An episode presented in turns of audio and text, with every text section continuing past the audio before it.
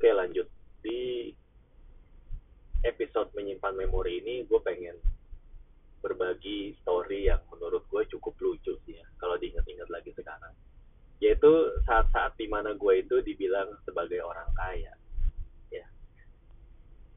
Tahun 90-an ada lagunya Opi Andaresta yang judulnya cuma hayalan. Lo dengerin aja itu lagu lo lihat uh, liriknya seperti apa pokoknya Mbak Opi itu sempat ada nyebut pengen punya uang banyak. Pengen punya deposito yang bunganya bisa buat tujuh turunan. Pengen jalan-jalan hidup mewah. Kan orang kaya tuh kayak gitu. Orang kaya itu kan ya yang net asetnya itu tinggi gitu jumlah total aset dan total utang lebih gede total aset dan jauh ya. Mungkin kalau untuk yang terlihat kasat mata orang kaya itu rumahnya gede mobilnya banyak fasilitas di dalam rumahnya tuh lengkap ada kolam renangnya pagernya bisa jalan sendiri kayak rumahnya si Sarah. Terus habis itu di rumah itu ada pembantunya banyak pembantunya itu pakai seragam ya. Terus mungkin punya anjing herder buat jagain rumah ya. Terus uh, di rumahnya tuh ada nutrisari yang gede ada susu sustagen. Terus di, di pajangannya tuh ada binatang-binatang yang dikasih air keras. Terus ada ada mobil yang di garasi itu yang bahkan belum pernah belum pernah di, dicoba mobilnya tapi masih stay di garasi aja terus suka jalan-jalan terus waktu di dinding rumahnya juga ada foto dia salaman sama Pak Harto. Itu sih. Seharusnya orang kaya di tahun 90-an ya seperti itu image-nya. Ya sementara gue itu jauh dari itu. Apaan? Rumah gue itu di Depok. Rumah gue tuh bukan di Menteng bukan di Pondok Indah. Bukan di mana lagi. Ya daerah-daerah elit lah. Di Jakarta Kelapa Gading rumah gue tuh cuma di Depok ya no offense to Depok tapi ya dulu bokap gue cuma mampu beli rumahnya di Depok gitu terus mobil gue juga cuma satu dulu itu pun juga mobil kantor yang bokap punya ya terus habis itu ya paling peralatan rumah tangga yang dipunya kayak dulu tuh TV Sharp 21 inch TV tabung ya terus uh, mini kompo juga bukan radio biasa yang gue punya gitu ya. Terus apa dulu nyokap gue juga nyucinya masih belum pakai mesin cuci pas baru pindah sini. Terus paling dia cuma punya apa blender kulkas gitu ya. Terus video VCR ya VCR atau VHS Betamax ya. Terus video games ya Nintendo dan Sega dulu gue punya. Gitu ya udah itu doang. Tapi kayaknya di mata teman-teman gue yang so called penduduk asli itu. Itu udah kehidupan yang yang beda gitu kali ya buat mereka gitu ya dan gue juga bisa memahami karena ini masalah perspektif aja ini perspektif ya sudut pandang. Kalau dari sudut pandang anak Yasporbi yang dulu, gue nggak ada apa-apanya lah. Anak Yasporbi dulu rumornya ada yang bapaknya punya helikopter. Anak Yasporbi dulu ada yang cucunya orang deket Orde Baru. Anak Yasporbi dulu banyak yang kerjanya di BI, ya. Ya kalau gue di sini, itu ya di Depok, disebut sebagai orang kaya kata mereka. Ya karena dari sudut pandang mereka doang mereka cuma ngelihat dari sekeliling mereka aja dari lingkungan sempit mereka. Ya memang ya setelah gue datengin gitu ya rumah mereka kayak apa gue ngeliat gitu ya.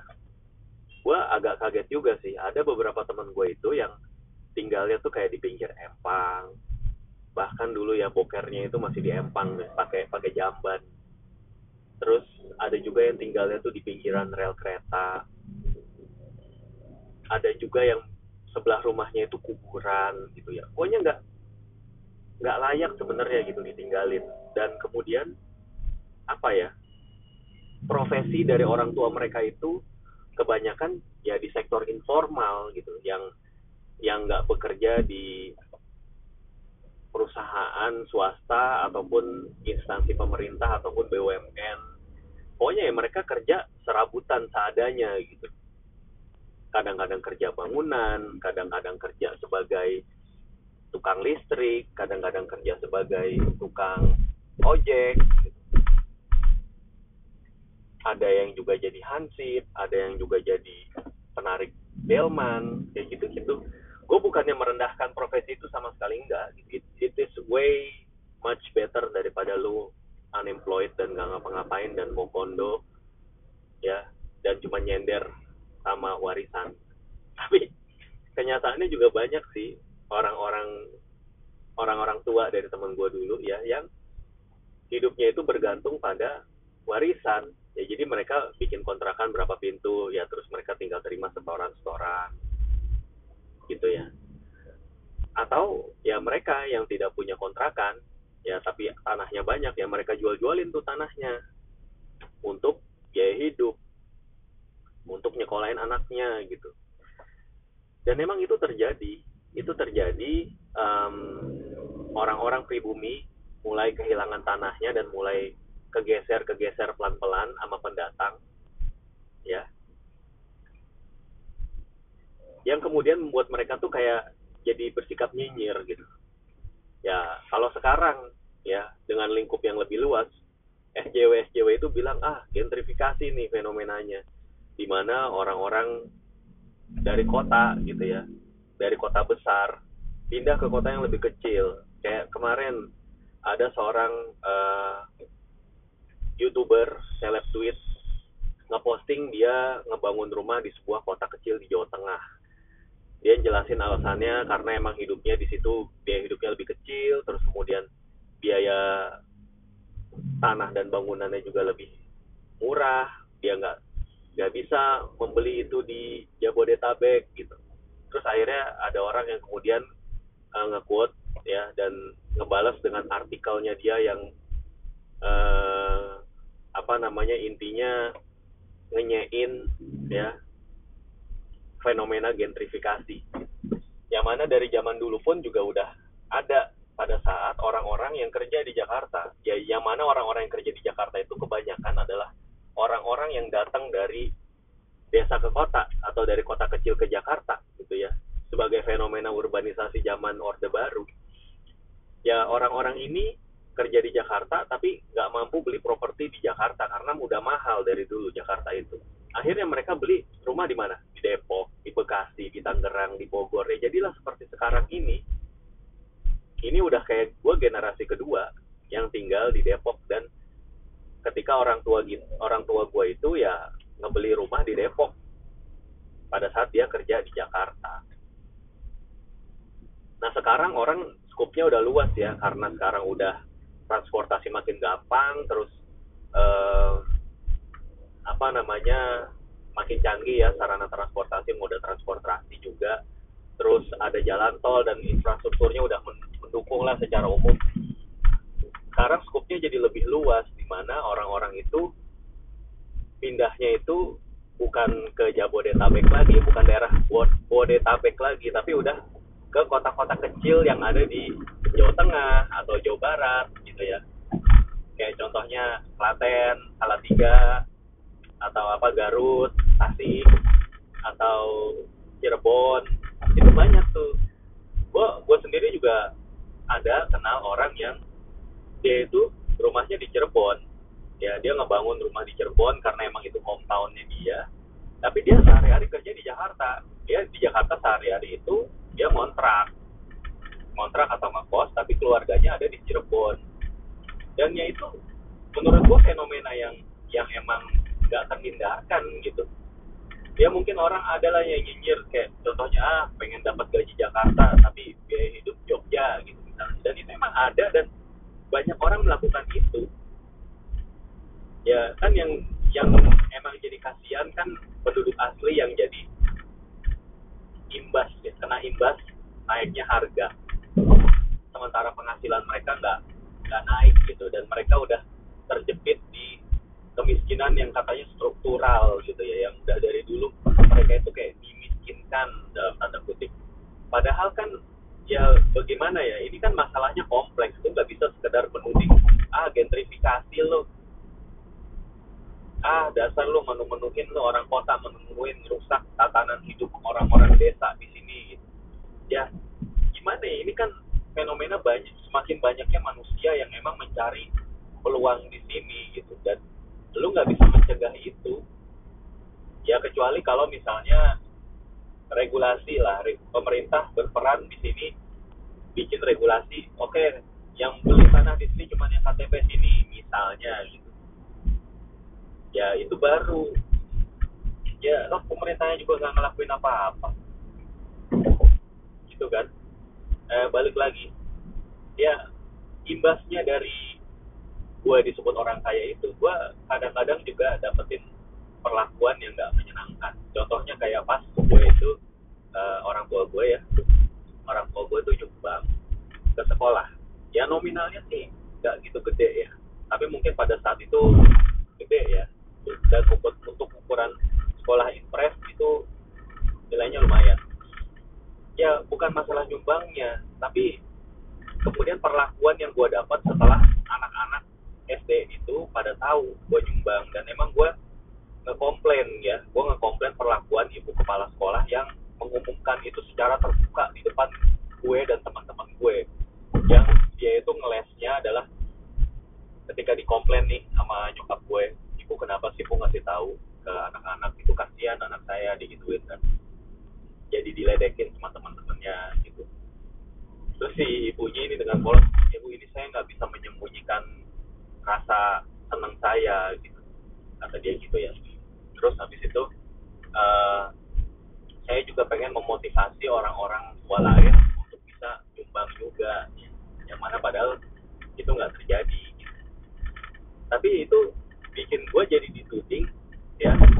Ya gitu uh, ngasih ke sekolah supaya apa ya nilai gue bagus terus pantesan aja dimanja sama guru. Pantesan aja nilainya bagus bagus. Orang dia tuh nyumbang ke sekolah jadi kayak nyogok. Gitu gue udah denger omongan-omongan kayak gitu. Terus habis itu pas jam pelajaran olahraga nih ya gue kan eh, nggak uh, bisa main bola waktu itu ya terus jam olahraga di situ tuh anak laki biasanya main bola. Dan gue ikut main bola dan kelihatan nggak bisa cupu gitu main bola gue kayak mereka tuh kayak langsung seneng banget gitu ngelihat kayak ngelihat mangsa dan ngelihat apa ya kayak lu lu kayak sekarang nih nge-tweet nih lu melakukan kesalahan di tweet dan netizen itu netizen Twitter tuh langsung ngebantai lu habis-habisan dengan teori dan keilmuan mereka gitu ya langsung lu dibully segala macam. Nah itu yang terjadi waktu itu sama gue. Ngelihat gue nggak bisa main bola tuh kayak mereka tuh kayak apa ya kayak buaya memangsa rusak gitu memangsa kambing yang nyebrang sungai gitu. Ya. Mereka langsung ngebully gue ngata-ngatain gue seolah-olah gue tuh yang gak berharga banget gak karena gue nggak bisa main bola gitu. Seolah-olah kayak gue bukan laki hanya karena gue nggak bisa main bola. Ya pada saat itu emang gue terpengaruh dan untungnya ya gue terpengaruhnya tuh bukan jadi ngajak mereka berantem atau jadi mengurung diri enggak. Tapi gue jadi malah bisa main bola gitu. Nah terus selain itu ada perlakuan yang aneh lagi ketika gue itu uh, ikut pengajian kan pengajian di musola waktu itu di dekat rumah. Rupanya ada akamsi yang gak seneng kayak yang ngeliat gue gitu gak seneng kok terus tiba-tiba dia nggak datengin siapa lo nama lo siapa? Gue ditanya gitu. Lo anak baru ya di sini? Lo baru pindah ya? Pindah dari mana? Terus tanya lagi sekolah di mana? Kelas berapa lo wah di, di langsung gitu dipanggil begitu gue. Dan dia langsung bilang gini lo di sini jangan macem-macem ya gue jagoan di sini. Butuh pengakuan banget bang. Ternyata dari zaman dulu pun orang butuh pengakuan gitu ya dan gue waktu itu cuman iya ya aja sih gue bodoh amat. Siapa sih lu gitu. Dan gue nggak peduliin juga nggak pernah peduliin lah itu orang. Intinya dan kayaknya emang tuh orang punya masalah aja dengan dirinya sendiri. Ya, ya terus emang gini gue juga ngedapetin omongan-omongan nyinyir gitu ya. Ah dasar anak orang kaya uh, gitu kan. Hanya karena ini uh, gue kan dibolehin sama orang tua gue untuk ngajak teman gue main ke rumah. Dan ini supaya gue itu jadi anak rumahan aja nggak suka keluyuran main gitu. Takut ada dampak negatif dari pergaulan lah intinya. Jadi uh, orang tua gue tuh tipikal yang ngebolehin teman-teman anaknya main ke rumah gitu bebas-bebasnya lah lama mainnya lama dan segala macam dikasih makan sama nyokap gue kasih minum kasih kue kasih mainan gitu ya gimana gak seneng orang nah rupanya anak-anak yang nggak diajak main itu ya yang misalnya beda kayak beda geng pertemanan itu mereka wah ngeluarin kata-kata iri dengki yang nggak enak gitu. Kayak sering bilang ih ngapain lu di rumah itu? Gitu kan. Lu jadi nggak pada sholat lu jadi nggak pada ngaji pada males. Gitu ya jadi nggak ibadah lu lalai gara-gara main. Ya kayak gitu. Terus wah macem-macem deh. Macem-macem. Kayak misalnya gue punya alat musik dulu dibilang apalah macem-macem. Budaya barat lah budaya barat. Giliran musik budaya barat lu nggak mau. Tapi pada kenyataannya lu suka main judi mabuk dan jinah. Gue nggak ngerti maksud lo iya benar. Ketika gue main dengan penduduk asli gitu ya dan gue ikut gabung ke acara mereka ya. Mereka mereka yang di musola itu kayak soalin gitu ya. So ayo sholat yang bener lu. Ayo sholat jangan bercanda lu. Ngaji yang rajin lu gitu. Jadi orang jangan ini lo oh, segala macam. Eh pas pergi pas ke jalan-jalan gitu ya. Ada acara jalan-jalan ke puncak. Apa yang mereka lakukan? Mereka mabok-mabokan minum bir. Dan main judi. Main judi kartu ada duitnya. Padahal sehari-hari mereka tuh rajin ke musola sholat berjamaah. Nggak pernah ketinggalan juga. Kayak gitulah. Maksudnya gue jadi ngeliat semua itu jadi kosong orang apa omongan-omongan perbuatan-perbuatan yang di mereka lakukan ke gue itu gak lebih dari perbuatan orang-orang yang kiri dengki orang-orang loser yang yang kalah gitu ya. Mereka kalah ya jadi cuman bisa ngomong doang gitu ya. Kayak orang-orang di Twitter yang cuma ngebacot-bacot pakai akun anonim doang atau ikut-ikut ya riding the wave dari akun-akun gede yang ngebully kayak gitu ya udah akhirnya ya gue ngeliatnya seperti itu sih dan gue juga nggak peduli dengan predikat-predikat itu karena pertama yang mereka bilang itu nggak berdasar gue bukan orang kaya. Dan sekarang pun ya gue gue masuk SMP SMA gue mana pernah orang tua gue nyogok masuk kuliah mana pernah. Itu hasil dari gue sendiri. Dan ketika gue kerja itu pun juga hasil dari jadi payah gue sendiri. Ya emang gue gue kenal ordal gue kenal orang dalam. Tapi orang dalamnya itu apa adalah buah dari persahabatan dan pertemanan yang gue udah udah rajut gitu loh. Udah rajut dalam waktu yang lama nggak sebentar dan akhirnya mereka jadi teman-teman baik gue gitu. Tapi kan itu bukan berarti gue nyogok. Dan gue pun juga masuk kerja karena emang gue ngerasa gue punya kapabilitas di situ dan punya pengalaman. Bukan sekedar gue minta masuk kerja atau minta dapat proyek atau apalah padahal gue nggak mampu dan gue menyingkirkan orang lain. Kan nggak begitu sebetulnya. Ya gitulah pada pada akhirnya orang-orang mau ngomong apa kayak ya?